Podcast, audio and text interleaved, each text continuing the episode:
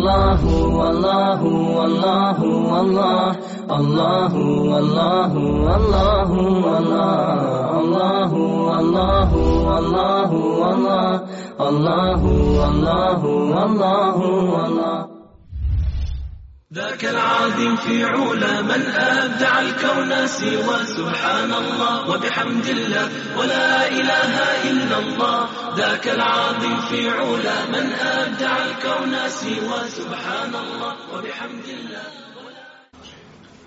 الحمد لله رب العالمين والصلاة والسلام على رسول الله ونبينا محمد وعلى آله وصحبه أجمعين. اللهم علمنا ما ينفعنا وانفعنا بما علمتنا وزدنا علما يا كريم. Allahu subhanahu wa ta'ala se zahvaljujemo. Salavat i selam donosimo na Allahu i poslanika i miljenika Muhammeda sallallahu alaihi wa sallam na njegovu porodicu, ashabe i sve vjernike i vjernice koji slijede u dobro sunnjega dana. Allahu naš poduči nas onome što koristi i daj nam i olakšaj da se okoristimo od onoga sa čime si nas podučio.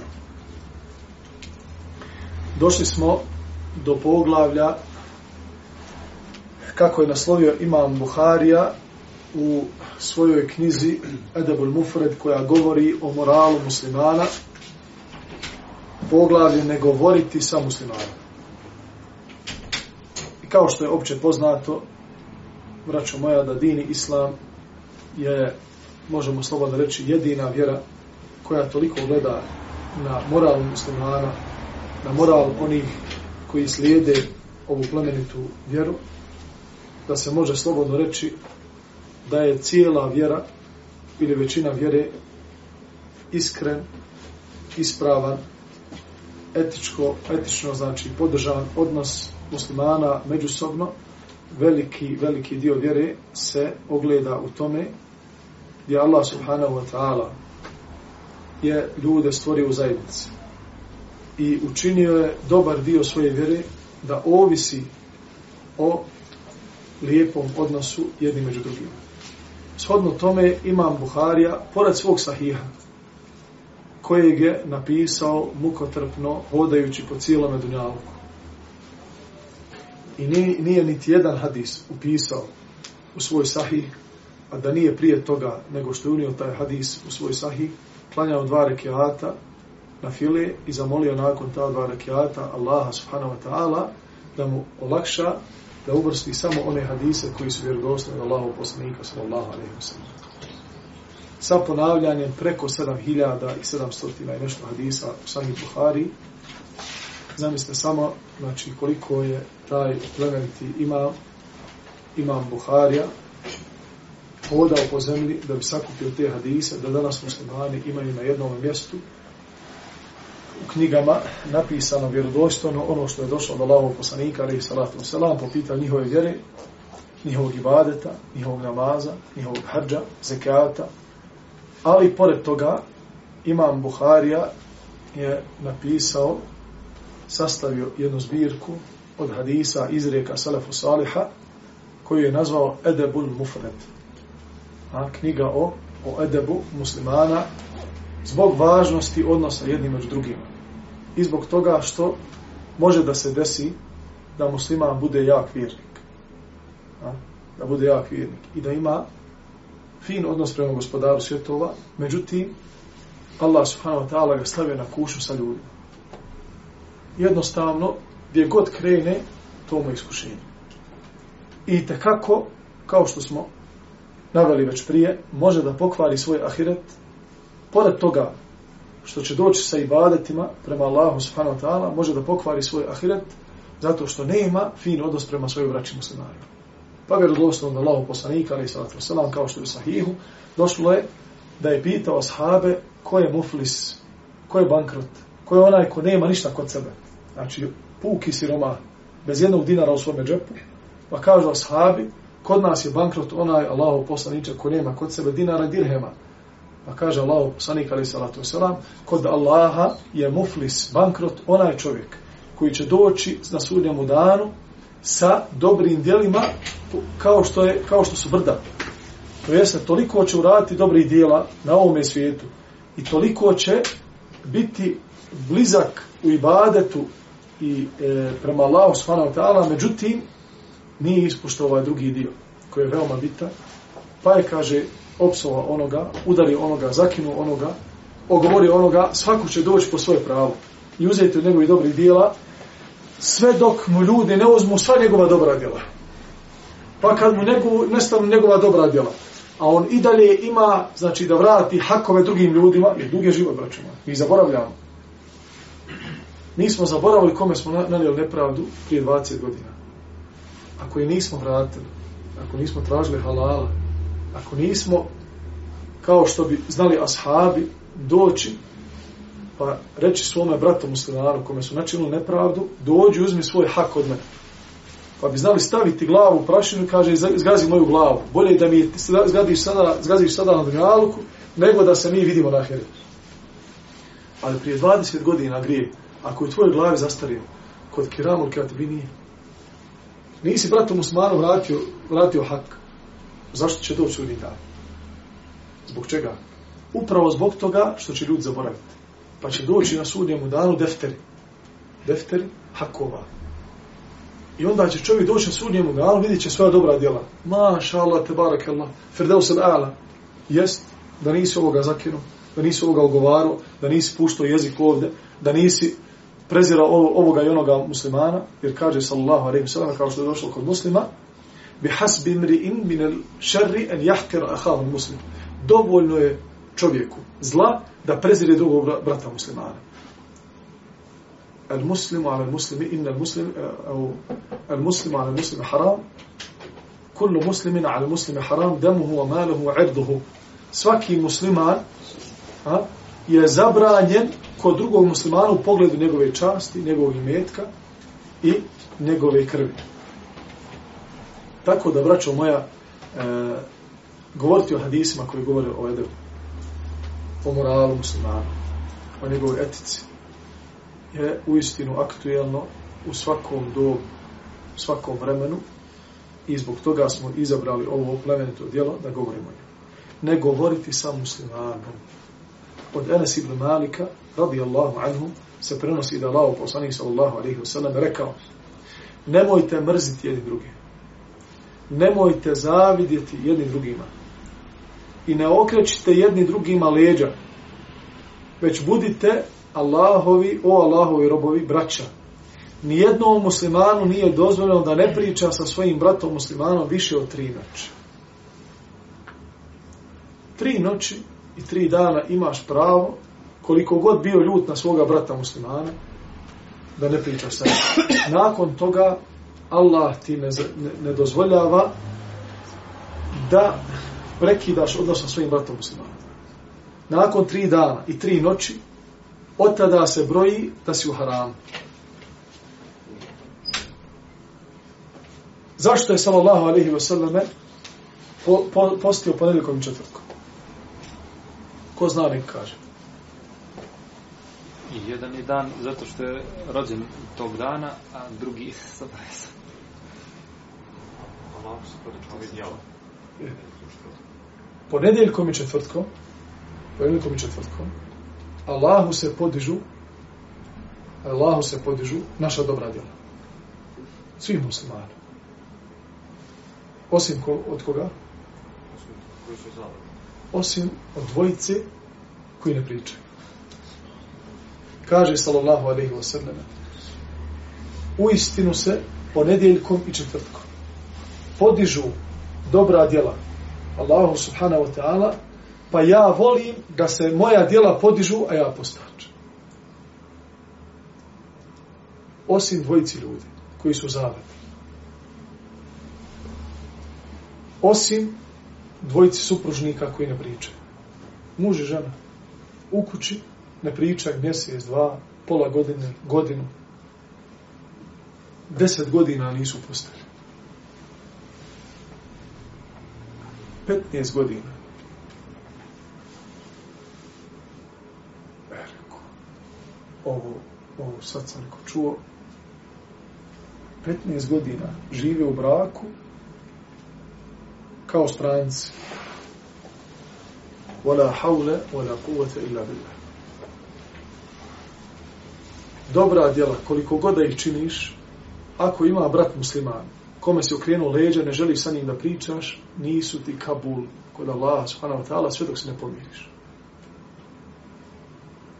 Jedini kefaret, možeš zaklati sto deva, stotinu deva zakolješ, kažeš gospodaru, ovo je kefaret, što ja s ovim ne pričam, ja ne mogu sa njim da pričam. Znači, do ovdje mi, ja kad ga vidim, ja se povraćam, muka mi od njega. Gospodar, u ime tebe, u tvoje veličanstveno ime, ja koljemo i stotinu deva i dijelim se romasima, ne može. Jer ima i dijela za koja se, koje se određeni kefareti rade. Uradiš nešto na hađu, u ihramima si staviš nešto na glavu. Uzmeš bijelicu i kažeš, a maša Allah, kako fina, kupio sam je za pet rijala, vidi kako fino stoji. Kaj, brate, u ihramima si, šta u ihramima? Znači, nemoj probavati bjelicu dok si u ihramima. Stavio se ovako bjelicu u hrama, skineš je fino i nazoveš tamo klaonicu. Naručiš fino ovcu. Ha?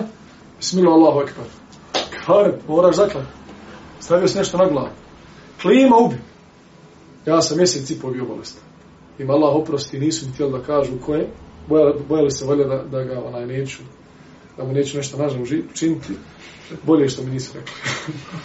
Pomoge o, bili smo dogovorili da kad krenemo hare, svi, da upalimo klimu, jer je prejaka bila. Cijeli pansion, kad se upali dugme, klima ubi.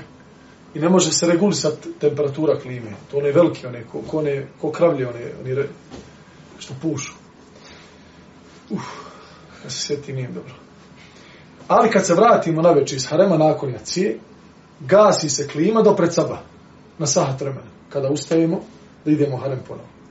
I tamo zidovi se ohlade, e, one ispužile, sve se ohladi, super je temperatura. Međutim, jedan naš Hajirlija, Gafar Allahu lehu. Gafar Allahu lehu.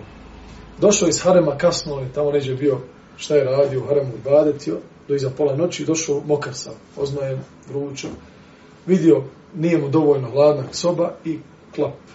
Glavno ja sam bio ispod kline, tačno udarala u mene dva sata. Kad sam se probudio, mejit. Znači, za gasulhane. Samo još duša da izađe. E, sada ti na hađu, i upalili klimu, ti u ihramima. E, veli, nećete i meni. I uzmeš deku i staviš preko glave. Bismillah, Allahu akbar. Čaba je. Kefaret za nepričanje sa bratom muslimanom više od tri dana, kao što je došlo u hadisu, poslanika sallallahu alaihi wasallam, jeste da mu prvi nazoveš salam. Odeš i kažeš salamu alaikum Allahu robe. Kaže, brate, halali, ali on meni neće da, da, da zove na salam. Što te briga? to tebe ne, ne interesuje. Tvoje je da kažeš esalamu alaikum. Međutim, to esalamu alaikum je teže od igmana. Igman lakše je podignuti nego da izađe to assalamu alaikum iz naših usta. I zbog toga je sallallahu alaihi wa sallam rekao bolji je kod Allaha onaj koji odpočne sa sa selamom.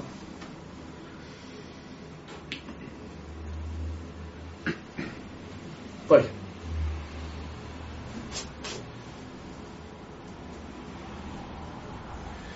Od Ebu Horeira radijallahu anhu se prenosi da Allah poslanik sallallahu alejhi ve sellem rekao la tabaghadu wa la tanafasu wa kunu ibadallahi ikhwanan.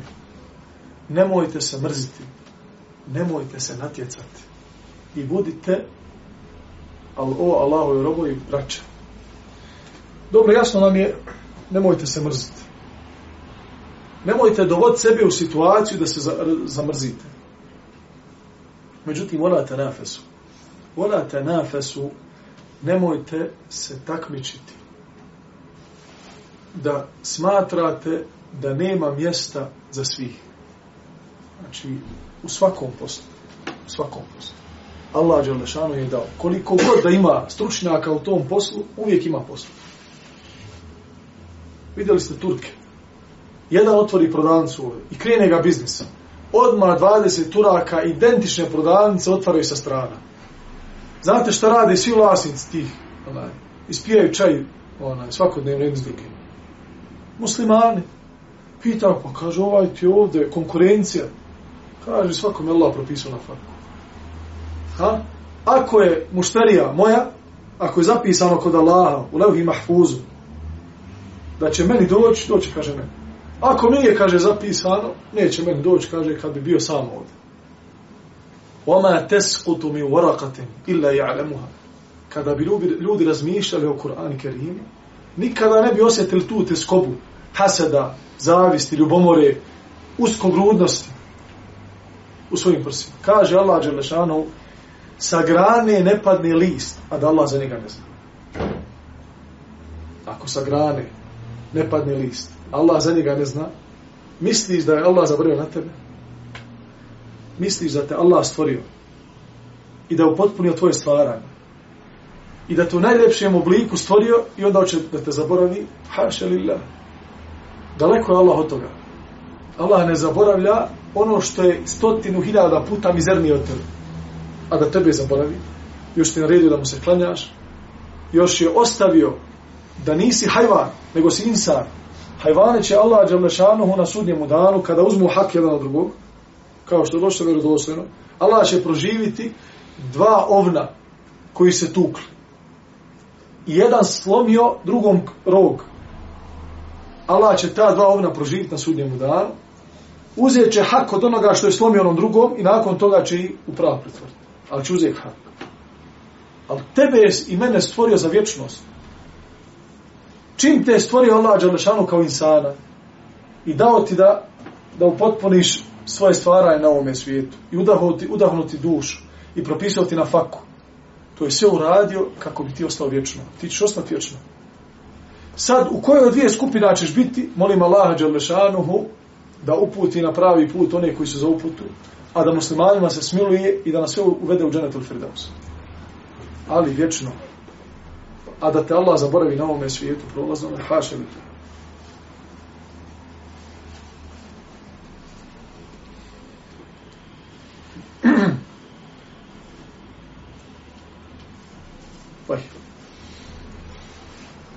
Sljedeći naslov, ne govoriti sa svojim bratom muslimanom čitavu godinu. E, zamislite sad to. عن أبي خراش الأسلمي أنه سمع رسول الله صلى الله عليه وسلم يقول من هجر أخاه سنة فهو كسك كسفك دمه kaže sallallahu alaihi wa sallam ko bude ne pričao sa bratom muslimanom godinu dana kao da ga je ubio kao da ga je ubio. Isti hadis.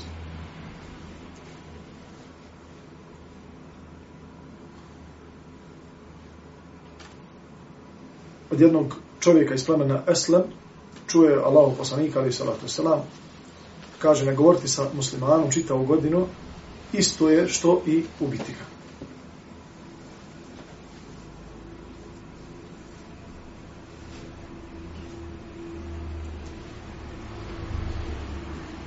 Ne postoji, braćo moje, problem. Ne postoji problem koji dođe među dva brata muslimana, među dvije sestre muslimanke, među supružnicima, a da se ne može riješiti komunikaciju. Komunikacija je prvo sredstvo da bi se rješavali problemi.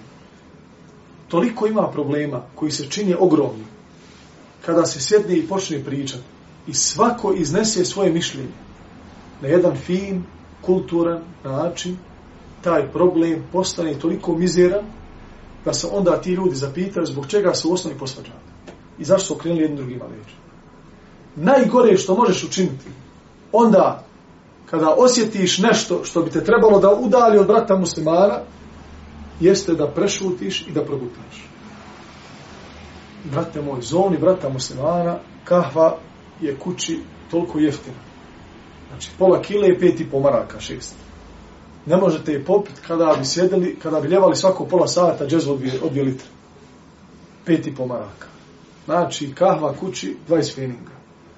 Pristaviš kahvu, sjedeš s bratom muslimanom, kažeš, brate moj, halali, ja imam taj, taj, taj, taj problem. Zamislite tako da muslimani rade. njihov odnos gospodara mi svjetova bio bi takav da kada bi se god vidjeli na namazu ili na ulici, svaki put bi se zagrli, ne ono licemjerno, ono grljenje, nego iskreno grljenje ima Allaha Đelešana. Nisam nikada nazvao brata muslimana. Nešto mi bilo nejasno. I nazvao ga iz tog razloga da sjedim sa njim i da popričam i da razriješimo te nejasnoće, a da nakon toga Allah i meni i njemu nije ulio ljubav jedan naspram drugog koji nismo imali prije toga. Koju čak nismo imali prije nego što je naštao neki, neka nesuglasica. I nakon toga osjetio sam da je ta ljubav potrajala i da traje dan danas. Zbog bereketa toga da brata muslimana zovneš da mu kaže, brate, meni nije jasno ovo. A ne da okolo pričaš. Pa Nazove brata muslimana. Mi smo, alhamdulillah, rabar, junački narod. Mi smo kukali. Podigneš broj telefona, svi sad mobitel imaju. Salam alaikum, brate. Možemo popričati na tu temu. Međutim, onoga trenutka kada osjetiš nesuglasicu ili nešto, zamiriš bratu musliman, ali to ostaviš svojim prsima, to se, to raste. A? Ti si ostavio svojim prsima jedno zrno. Međutim, vidjeli ste kad cijete, staviš jedno zrno, klas, pa klas dadne plodove, pa slive s desne strane, pa procvjeta, pa ovo, pa ono, belaj živi. I onda ako, kad, kad to naraste, taj klas, onda oko njega naraste i korov, i onda je to sve teže i teže. Jedan mali problemčić koji je dojuče bio nešto, nešto mizerno, riješi se za 10-15 minuta u skafu, nakon 5 godina ne može ga vojska riješiti. Znači, muftija, Rejs ulema, da te zovne i da kaže, odi ovamo, da ne, ne kaže. Zakleti neprijatelj. I to se onda prenosi iz koljena na koljeno. Imate, braćo, moja familija, koji ne pričaju sa drugim familijama po tri koljena. Po tri koljena. Znači, džedo se zavadio, zavadio se. Znate što se zavadio? Djeca se njihova nešto popriječila, prije ono manje je bilo ograda, ne, sve je bilo komšija može proći da nije ko sad onaj da je sve u zidovima. Da niko niko ništa. Izra, izrak se treba uskoro naplaćivati. I onda se djeca nešto pogurkala, šta ti moje dijete, šta ja tvoje dijete, e da boda tebi ovo ono, e vidjet ćeš ti, e vidjet ćeš ti, bup. Pa premijeli na svoji djecu, jer su oni bili su mali, po 5-10 godina su imali, i oni su se nešto potukli, pa se oni onda mrze. Pa onda umčat se mrze, pa može se to prenijeti na četvrtu koljenu. Zašto? Zbog djece koja se posluča. U krajini, braću moja, prije par godina, bio slučaj da su dva brata djeca se potukli. Na kraju je pala mrtva glava, oplak, oplačuju umrlog. A to što ga brat njegov sasiku sikirom. Na licu mjesta ga ubio. Dok su oni ovamo plakivali u kući, ono dvoje djece se pomirilo, ne znaju, mala djeca. I igraju se u avli a potukli se. Znači, djeca su, braćo moja, djeca drugačije razmišljaju nego mi. Vidiš neko, ja sam vidio prije nekih 17 godina. Da se dvoje djece u mešćidu, nešto se ono vriska, dreka, ko djeca pozadi u džami, da su one povukle na drugu zakose, šta je bilo. I onda su do, došao roditelj od ove jedne curce. I doveo još dvojicu. I ufatili da vuku kosu ove druge curce. Babo od ove curce, što je sada je, ovaj otac od ove je vraća, kisas, vraćaju sam. Sjedi tu pored mene i gleda. Kad je vidio to, spusti glavu, kaže, wala haule, wala kuvata illa Da je usto, Allah zna šta bi bilo, ljutnja, šeitan, pogurkali se. Curca zdrava, živa, sada on osaburio, Allah mu samo stepen povećao. Ništa drugo. Ispo je bolji kod Alađa, Đelšanu, ja taj primjer pamtim, isto kod da ga sada gledam. Prije 17-18 godina. Kaže mu sebi, subhanallah, ovo ne mogu osim dobri Allahove roba. Koji razmišljaju ne samo na dunjalke, nego, nego na ahiret. Da toliko budeš pribran kada tvoje dijete, kada mu se očiti, očita nepravda čeka.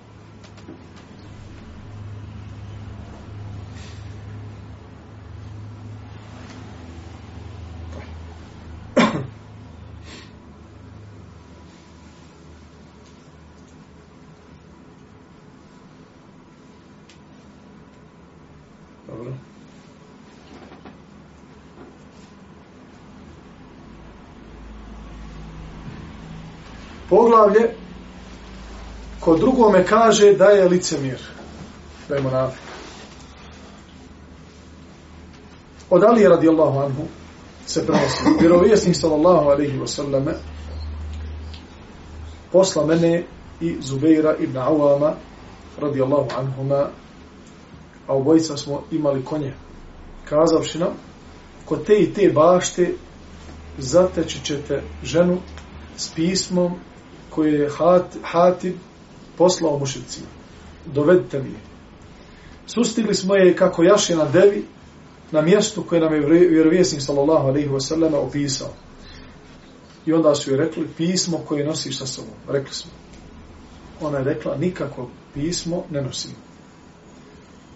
Kaže, pretražili smo njenu devu i onda su rekli vjerovjesnik sallallahu alaihi wasallam nije pogriješio.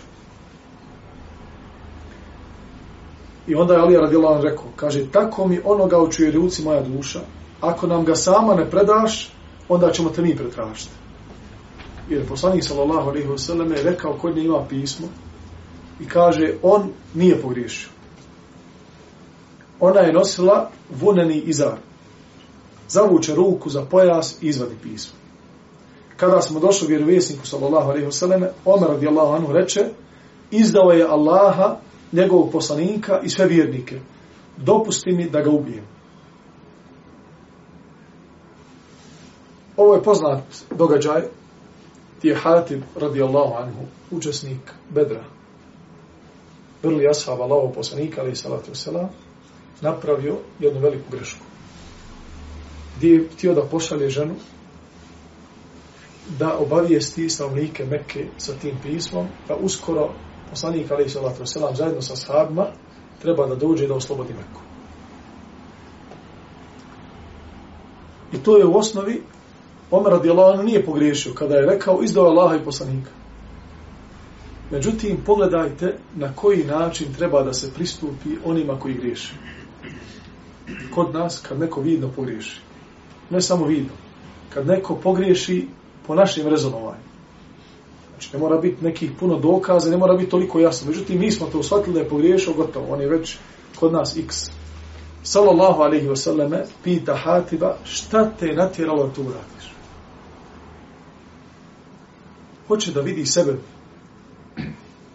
Kod nas je, kaže, ne, ne, ne, kaže, jedan plus jedan jednako je dva. On je poslao pismo, htio da izda Allaha i poslanika, jedan, dva, tri, to onda kod nas ide do, do, do nedogleda kaže šta te nagovorilo da to uradi, šta te natjeralo. Kaže Hatib, ja vjerujem u Allaha, ali sam želio da kod njih imam potporu. Prvo kaže, ja vjerujem u Allaha Đelešanhu, zatim govori o svojoj, znači slabosti svoje duše. Zatim kaže, sallallahu alaihi vseleme, istinu je rekao Omer, I onda je zabranio Omeru da, ga, da mu ikakav ezijet nanese sa time što je rekao, zar on nije bio na bedru. Možda je Allah zavirio njihova srca, to jest u učesnike bedra, i rekao, vi ste zaslužili džennet zato šta god hoćete radite. U drugom rivajetu, Omer radijallahu anhu kaže, pusti me Allah poslaniče da ovom licemjeru otkinem, otkinem glavu jer je to jedno dijela licemjerstva, pogotovo što se radilo o tome da je htio da izda Allahov poslanika sallallahu alaihi wasallam. Međutim, Allahov poslanik pored toga brani Hatiba, brani ga, brani njegov čast, brani njegov iman. Zašto? Zato što je Hati prije toga dokazani vjernik. Drugo je Abdullah ibn Sebe, Drugo su licemjeri o kojima Allah Želešanu je spustio objavu, koji su od prvoga dana, od prvoga dana šta? Izdavali Allah i poslanika. Nikada nisu bili u safu vjernika. I primili su islam samo kako bi zaštitili sebe, svoju ličnost, od ruku muslimana. I od prvoga dana rovare da se muslimanima nanese štete. Međutim, Hatib, učesnik Bedra, Hatib u prvom safu, Hatib mu'min, Hatib sa vjernicima, potpomaže se, Hatib pravi grešku, koju vjernik u osnovi ne treba sebi da dozvoli. I ne smije sebi da dozvoli. Da li Allah, poslanik sallallahu alaihi wa sallam, zaboravlja njegova dobra djela otprije? Nikako. Kella. To je ono što ja često to navodim kao primjer. Mizana i kantara. Mizan ima dva tasa. Za dobro i za loše. I onda vagaj. A kantar ima samo jedan tas. I onda ti vagaš količinu onoga što se nalazi u tvojim rukama. Ne možeš da vagaš između dvoga, nego samo vagaš jedno.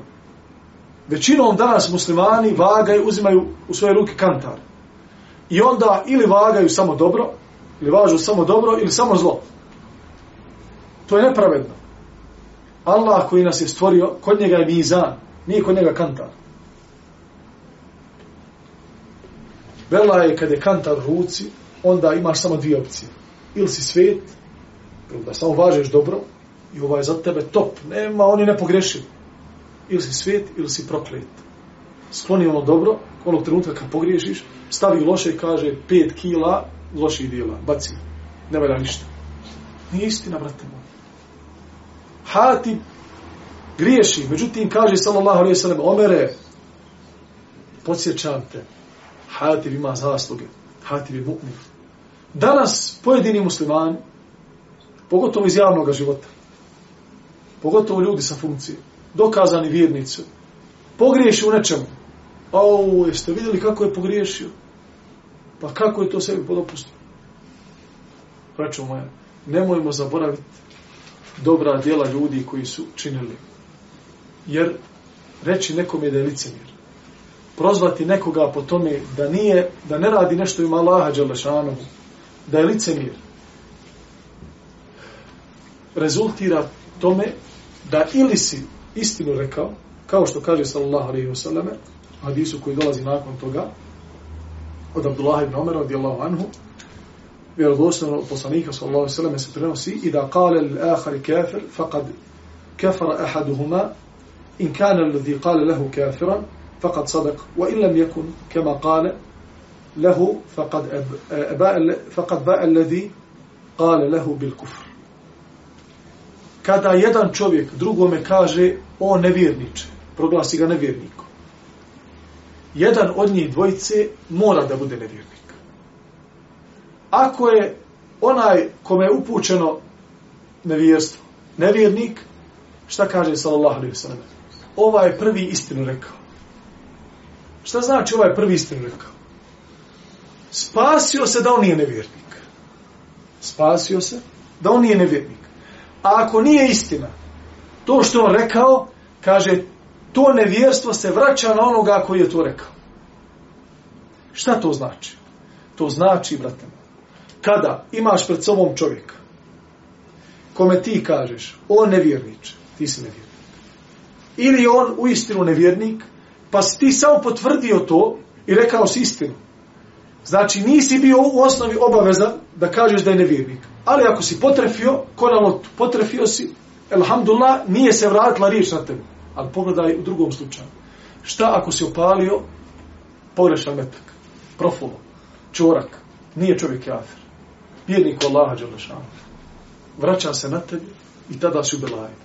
U drugom rivajetu koji je vjerodostojan, kaže sallallahu alaihi wasallam, kada musliman drugom muslimanu kaže o fasiće, da ga proglasi da je fasik, da je veliki griješnik. Kaže, ako nije ovaj, onda se ta riječ, riječ vraća na ovo prvo. Kažu islamski učenjaci. Ova dva rivajeta, ako išta pokazuju, pokazuju na to, da bilo koji loši epitet, koji bratu muslimanu prišiješ, i on to nema pri, pri sebi, kaže, ta riječ, ta epitet se vraća na tebe. Da li to bilo kufr, da li to bilo fisk, da li to bilo e, licemjerstvo, da li to bilo da je ovakav ili onakav, ili da je licemiran, ili da ne radi u ime Allaha, ili da ovo ili da ono. Sve što prišiješ bratu muslimanu. Ako je istina to, ako je to pri njemu, kaže sallallahu alaihi wa sallam, sadakt. Istinu si rekao. A ako nije pri njemu, onda se, brate moj, to vraća na te. Na te. Kako se vraća na te? Nećeš umrijeti. Slušaj me dobro. nećeš umrijeti. Neće ti Allah dozvoliti da pustiš dušu. A? Sa ovoga dunjavka, dok te ne iskuša s onim što će te dovesti do toga sa čime se utuže vrata muslima. Pošteno. Nećeš umrijeti. Ako nije istina, to što si rekao na njega, nećeš umrijeti dok te Allah Đalešanohu ne iskuša s onim što si rekao svome bratu muslimanu. To jest, doće ti nešto što će te navesti da uradiš ili da postaneš kafir ako čovjeka optužio kafirom, vidjeli smo svojim očima ljude koji su rešetali i uzimali ovaj epitet kufra i raspolagali sa njim kao što neko raspolaže sa pračkom. Znači, gađa golubove, gađa ovo, uzme, kako on hoće, dijete malo. Pa je Allah Đalešanuhu mnoge od tih iskušao sa kufrom. Pa su znali, popet se nam im beru u svojim mešćidima. Dirar. Popet se nam im beru. Početi hudbu.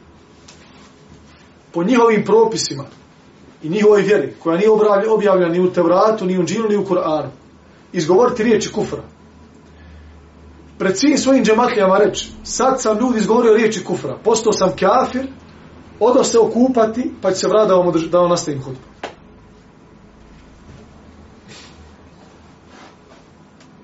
Tako ti je kad se igraš sa Allahovim propisima. Tako ti je kad se igraš sa Allahovim propisima. A znam ljude koji su čestiti vjernici, koji su mi govorili iz svog životnog iskustva. Kaže, tako mi Allaha, nisam o nekom muslimanu, nešto rekao loše iza njegovih leđa, pogledaj ga kako griješi, pogledaj ga kako sebi dozvoli ovo i ono, a da me Allah nije iskušao sa istim ili sa gorim od toga. Nisam rekao proti nekog brata muslimana iza njegovih leđa, pogledaj ga kako on sebi dozvoli to i to, pogledaj kako griješi, pogledaj kakav je, kaže, a da me Allah ne iskušao sa istim ili sa gorim od toga. Brate moj, možda imaš malu djecu, pa onda kad vidiš drugog brata muslimana da ima veliko dijete, muško ili žensko. Pa vidiš da to dijete možda ima lančić, da je zapalo cigaru, da se obrio, da ona nema, da je ona punoljetna, šarijatska, da još ne nosi hijab, ili da se utegla i da ovo, no, pa ti počneš naokolo, ka, e, pogledaj onog brata, on se vamo šepuri, ko neki namažđija, ama neki dobar vjernik, a pogledaj mi djeci, vjeruj mi, vjeruj mi, sunnetullahi fil ard, Allahov zakon na zemlji, kad ti tvoja djeca porastu, Allah će iskuša sa istim i sa gorim. Pa ti gledaj kako ćeš pustiti svoj jezik. Pa ti gledaj kako ćeš pustiti svoj jezik. Da nas Allah sačuva iskušenja koje ne možemo pojaviti.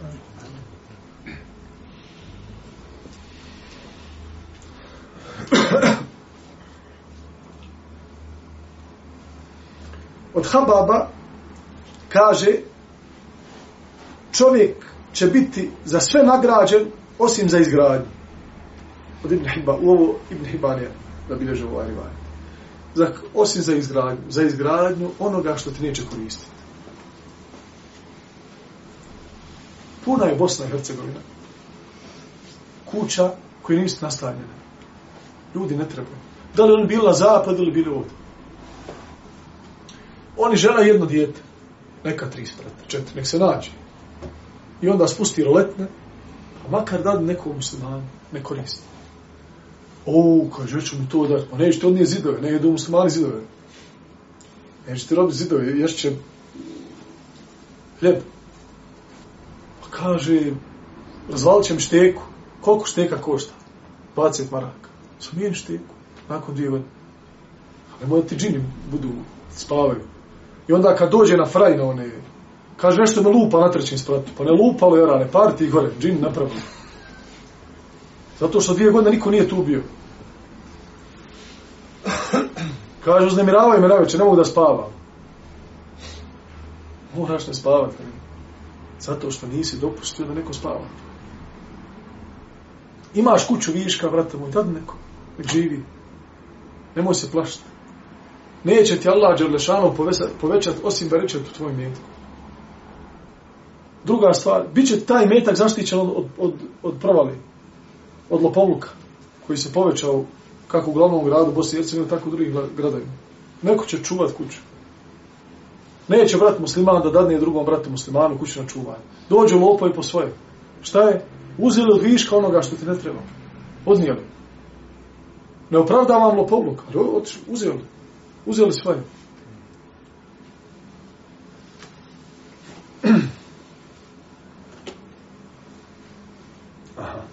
Poglavlje, kada čovjek radi sa svojim radnicima. Od Abdullah ibn Amra upita je svoga vratića koji je bio izašao iz Vahta. A Vaht je mjesto u Tajfu. Kaže, da li ti radi radnici? Kaže, ne znam. E, da si pravi sekafljanin i se kafa, znao bi šta ti radi radnici. Potom se okrenu prema nama i reče, kada čovjek radi na svome imanju ili imetku sa svojim radnicima, on je jedan od Allahovi radnika. Ono što smo prije samog e, predavanja govorili. Koliko jednostavnost čovjeka, koliko god on imao ugleda, koliko god on e, imao visok položaj, jednostavnost u suživotu s ostalim ljudima, čini ta jednostavnost upravo čini čovjeka zadovoljnim i sretnim.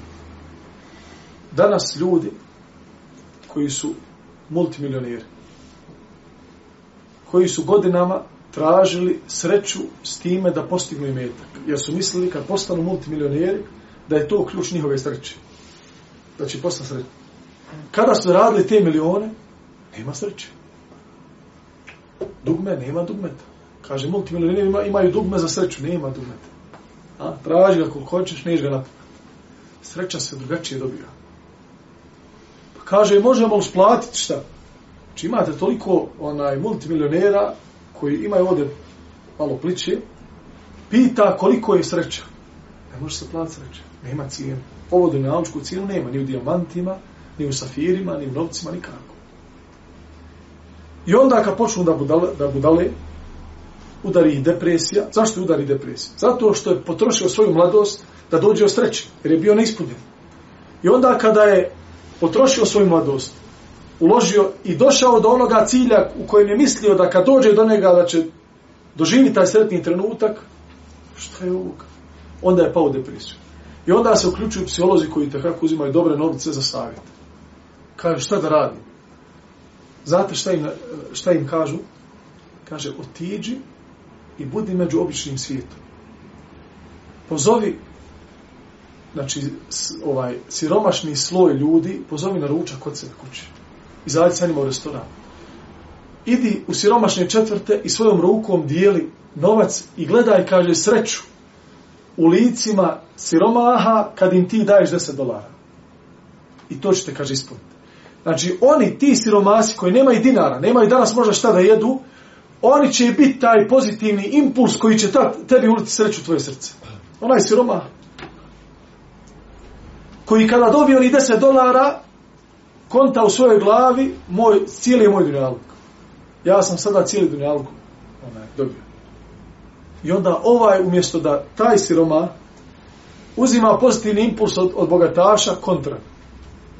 Kaže, radi neke stvari koje samo rade oni koji u osnovi imaju potrebu za, ne mogu, nemaju drugog posla. Kaže, idi meti ulice. Idi čisti kupatele WC ove javna, kaže, od ljudi. To ćete učiniti za. Ja govorim, znači, o ljudima koji nisu vjernici. Šta im govore psiholozi kada hoće da ih utješe, da, da otklone od njih depresiju, da može da spava na večer. Bez onih sredstava za, za uspavljivanje. Bez tableta. Danas, braćo moja, danas, braćo moja, postaje sve e, skupocijenije i skupocijenije to da staviš glavu na, na jastuk i da zaspiš normalno. To sve više i više na cijen dobio Da staviš glavu na jastuk, proučiš zikr i zahrčeš. To sve više, prije to nije da bi bilo toliko cijen. Nisu ljudi onaj cijenili. Sada to sve više i više cijeni. Jer sve manje i manje ljudi koji mogu da zaspe bez onih tabletica. Zašto? Zato što وَغَرَّتْكُمُ الْحَيَاتُ الدُّنْيَا Dunjaluk vas je zavarao, prevario vas. Mislite da ćete postići sve ako 24 sata budete grabili Dunjaluk. Videli ste, oni, oni imaju ilustracije, oni slika, pa se dijeli po društvenim mrežama. Fine što sličite, kad bi se onima razmišljalo, nego čovjek, čovjek samo to prelista. Pa ima onaj čovjek ide jednom crtom ovako, kao neka poljana, i po zraku ovako pare. I on ide grabi, grabi, grabi, grabi i dođe do kraja ivice. I dole ispod piše smrt. I onu gla, gla, zadnju novčanicu zgrabi i onda pada dole u onu propravu. To je završao svojim životom.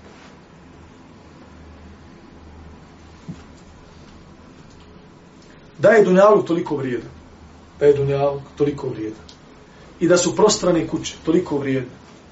A inša Allah ta'ala uskoro dolaze hadisi koji opisuju kuću Allahov poslanika ali njeno stanje, kako su bili zidovi, kako, kako je bila nastrešnica, kolika je bila dužina soba Allahu, e, Allahu poslanika, sallahu sallam, njegovi supruga, u detalje opisuju ti hadisi, te predaje, e, kuću Allahu poslanika.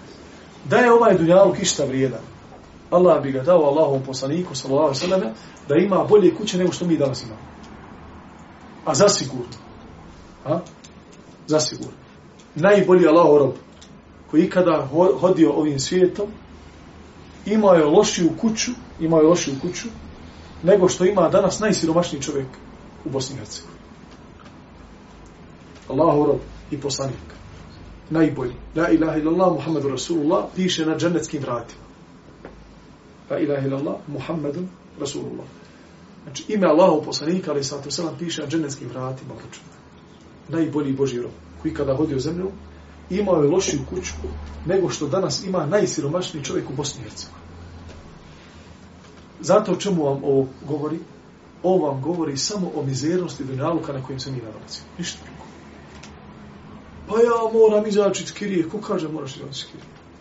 Pa moram na, do 30. godine napraviti svoju kuću. Inače ja sam... Ko ti to rekao? Vrate Pa uzet ću ja kredit. Pa... Znači, dadneš sebi neke ciljeve koje ne možeš E, uzmeš kamatni kredit. I onda belaj. I kaže, zove učenog čovjeka. Kaže, moramo nazvati nekog velikog šeha da mi riješi problem. Šta je bilo? Uzeo sam kamatni kredit. Sad sam se zavalio, dolazi hipoteka, hoće da mi se uzmu.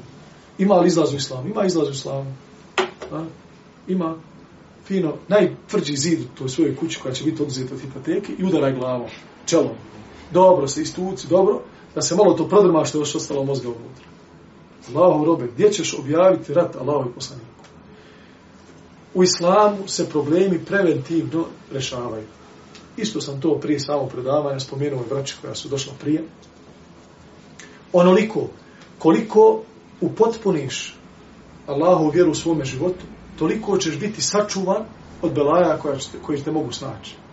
Toliko ćeš biti zaštićen od Allaha Đerlešanu, od eventualnih problema koji mogu da se strovali u tvome životu a onoliko koliko otkriješ od Allahove vjere. Onoliko koliko se približiš Allahovim granicama, toliko daješ prostora problemima da uđu u svoj život. Pa bojrom svako onda neka razmisli na kojoj stepenci želi da živi i na kojim spratu želi da boravi.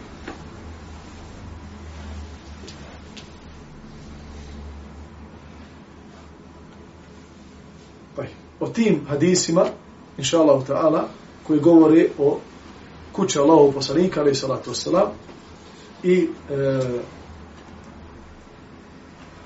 rivajetima koji opisuju njegovo, sallallahu alaihi wasallam, stanje tokom njegovog života i njegove nafake, govorit ćemo o narednom predavanju, do tada, akulu qavli hada, astagfirullahi vi velikum, subhanaka Allahu i hamdika, šanu la ilaha ila anta astagfiruka, wa atubu lejka, wa barakallahu fikum. fikum.